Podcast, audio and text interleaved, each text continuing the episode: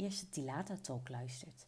Ik zou zeggen, nieuwe kansen, nieuwe ronde, een nieuw jaar. En ik heb er ontzettend veel zin in. Wie mij al een tijdje volgt op Instagram, weet eigenlijk dat ik tijdens mijn zwangerschap een tweede bedrijf op hoge poot heb gezet. En dus ook podcast over dit onderwerp heb gemaakt. Tijdens mijn twee business trajecten zet ik mijn framework neer, zodat ik na mijn bevalling rustig kon doorbouwen. Dat gaf mij gewoon veel meer rust om te kunnen doen wat ik moest doen: een bevalling. En voor degenen die nieuw zijn en mij nog niet kennen, mijn naam is Tilata en ik coach op een radicale, eigenzinnige en compassievolle manier binnen mijn bedrijf Bloom Business en Life Coaching. Ik zoek de verbinding met jou omdat je wellicht alleen of compleet anders voelt als de rest omdat je wellicht geen idee hebt wat jouw doel hier is op aarde. Omdat je 101 mindset dingen hebt geprobeerd, maar je komt nog geen ene drol verder. Of je zit te veel in jouw kopie, waardoor je volledig blokkeert. Ik help jou de weg terug te vinden van jouw hoofd naar jouw hart, naar jouw eigen kern. Waardoor jij jouw power to shine.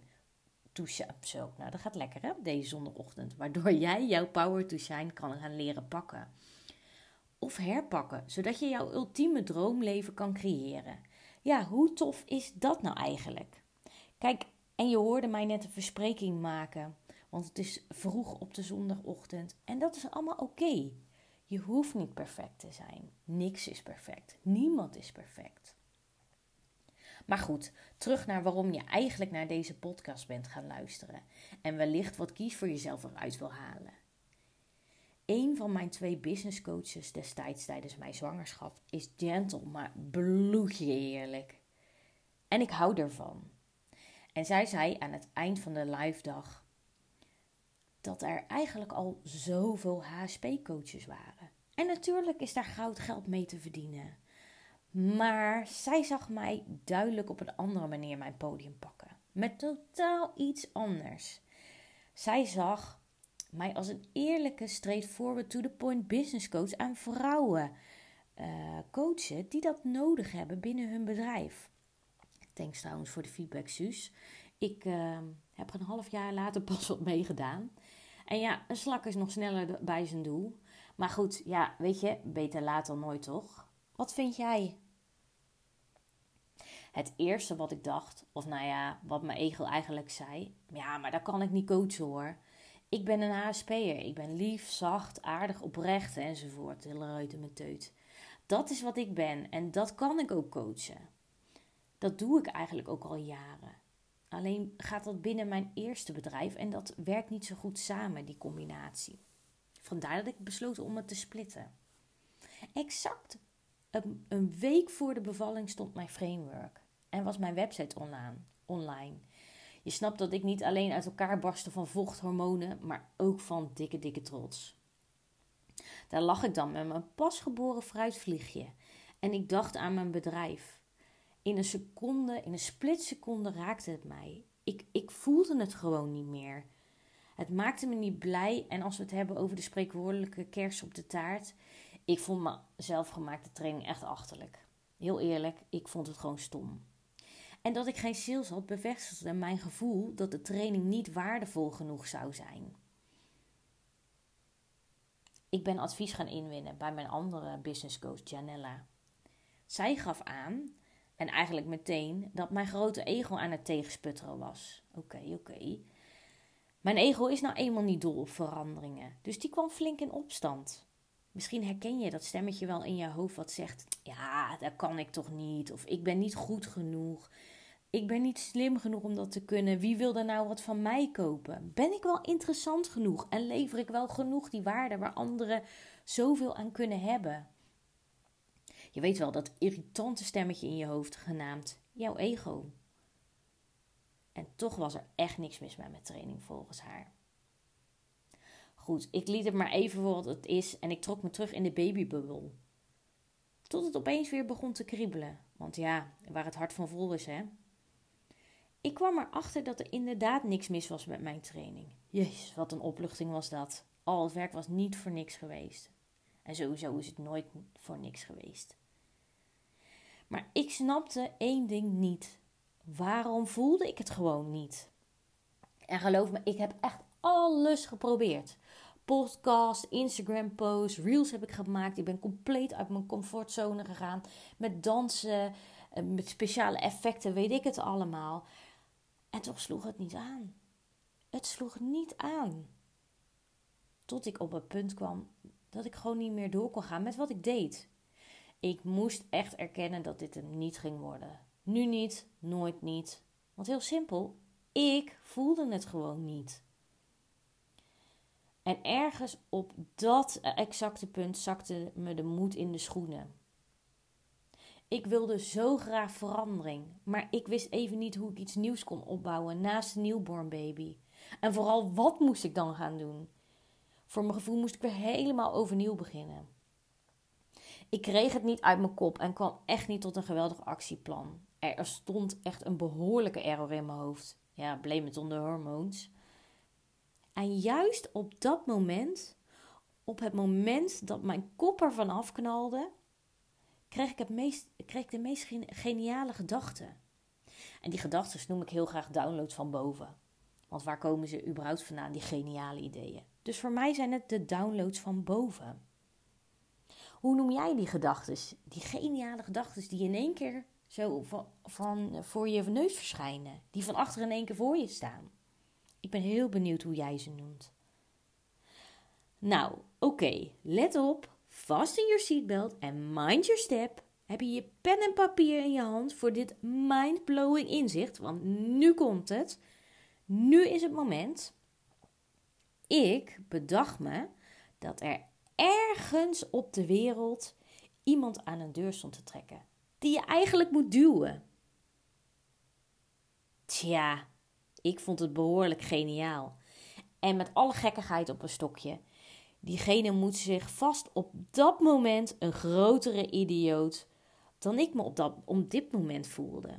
Die moet zich echt een grotere idioot hebben gevoeld dan ik op dat moment voelde. Zijn of haar hoofderror was vast veel groter dan die van mij. Dat kan niet anders.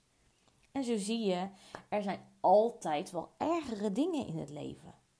Er is altijd wel iets anders wat erger is of moeilijker is, wat jou meer raakt. En zoals Anna tegen Elsa zou zeggen: laat het los, laat het gaan. En op dat moment kwam de knaller van een inzicht van boven. En de inzichten waren: 1. Ik moest het geheel gaan omgooien. Het totale plaatje moet om. Compleet afbreken en opnieuw beginnen. 2. Ik moest terug naar mijn kern. Ik moest dat uitje afpellen, waardoor ik uiteindelijk bij dat kleine kerntje diep in mijn hart terechtkwam. 3. Wanneer ga ik nou eindelijk eens mijn moment pakken? Ik kan altijd wel zeggen van ja, ik moet wachten tot het juiste moment. Ik moet dit nog af hebben. Ik moet wachten. Maar ga ik dan wachten totdat ik bijna dood ben en met spijt terugkijk op een leven wat ik niet ultiem heb geleefd? Of ga ik voor vier? Ga ik in het diepe springen? Ga ik die sprong wagen?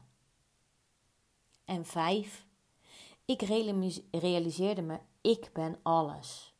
Ik ben alles. Met alle tegenstellingen. Ik ben als coach liefdevol, maar ik duld ook geen bullshit verhalen en ik ben daadkrachtig. Ik kwam er langzaam achter dat als je je ui langzaam afpelt, je uiteindelijk dus bij je kern komt. En bij ieder stukje ui meningen van anderen, overtuigingen van anderen, ervaringen van anderen die opgelegd zijn, die liet ik steeds meer los. En dan kom je echt bij jouw pure, pure hart. Het pure hart wat je nog ziet bij baby's, bij jonge kinderen en vaak ook nog bij verstandelijk gehandicapte mensen. Die leven vanuit hun puurste leven, hun, hun ultieme leven. Jarenlang heb ik me in een hokje proberen te frotten en heb ik geleefd naar de maatstaven van anderen. En wellicht doe jij dat misschien ook nog wel. En leren we allemaal niet op school om vooral te denken vanuit je brein, vanuit je hersenen. En doordat je leert vanuit je hoofd en niet leert vanuit je hart te leven, heb ik mezelf along the way verloren. Tranen van blijdschap dat ik eindelijk door had wie ik ben. Wie ik ben. En een special thanks to Floor, want zij maakte het mogelijk. Ik ben gewoon alles. In al mijn tegenstellingen ben ik gewoon alles. Het kwartje is gevallen en ik ben echt door het stof gekropen. En nu ik dit zo aan jou vertel, voel ik het in mij stromen. Mijn coachingbedrijf voel ik stromen. En dit tweede bedrijf krijgt een vernieuwde boost. Dit gaat het worden, dit gaat het zijn. Dit hoef ik niet te worden, niet meer, niet minder. Dit is mijn zijn. En weet je wat nou eigenlijk het grappige is? Mijn eerste bedrijf in de gehandicaptenzorg draait zeer succesvol. Juist omdat ik met die tegenstellingen werk. Ik ben daar daadkrachtig. Ik hou van actie in de taxi. Niet lullen, maar poetsen. Maar ik ben ook liefdevol, compassievol. En ik maak tijd voor je vrij. Op alle achterlijke momenten wanneer jij je, al is het s'avonds laat, ik maak tijd voor jou vrij. Dus als afsluiter van deze podcast, jouw onzekerheid komt voort uit jouw eigen gedachten. Jij bepaalt hoe jouw droomleven eruit ziet. Jouw ego praat tegen jou en zegt dat er altijd wel iemand beter, slimmer, mooier of weet ik veel wat is. En wellicht is dat wel zo. Maar diegene is niet jou. Jij hoeft niemand te worden. Jij bent al jou. Jouw unieke jou. Je hoeft alleen maar naar jouw kern terug te gaan. Naar jouw hart. En laat je hart spreken voor wat je wilt doen in dit leven. In jouw ultieme leven. Nou, ik hoop dat je genoten hebt van hoe ik de flop van mijn tweede bedrijf een boosterprikje heb gegeven om vanuit mijn kern te gaan leven. En dat, lieve jij, gun ik jou ook. Leven vanuit jouw kern op de meest ultieme manier die jij prettig vindt. Ik ben heel erg benieuwd wat je ervan vond en ik zou het leuk vinden als je een reactie achterlaat. Dit kan bijvoorbeeld via mijn Instagram kanaal of op verschillende andere manieren die ik in de reacties zal zetten. Ik wens je een hele, hele fijne dag. Dikke kus.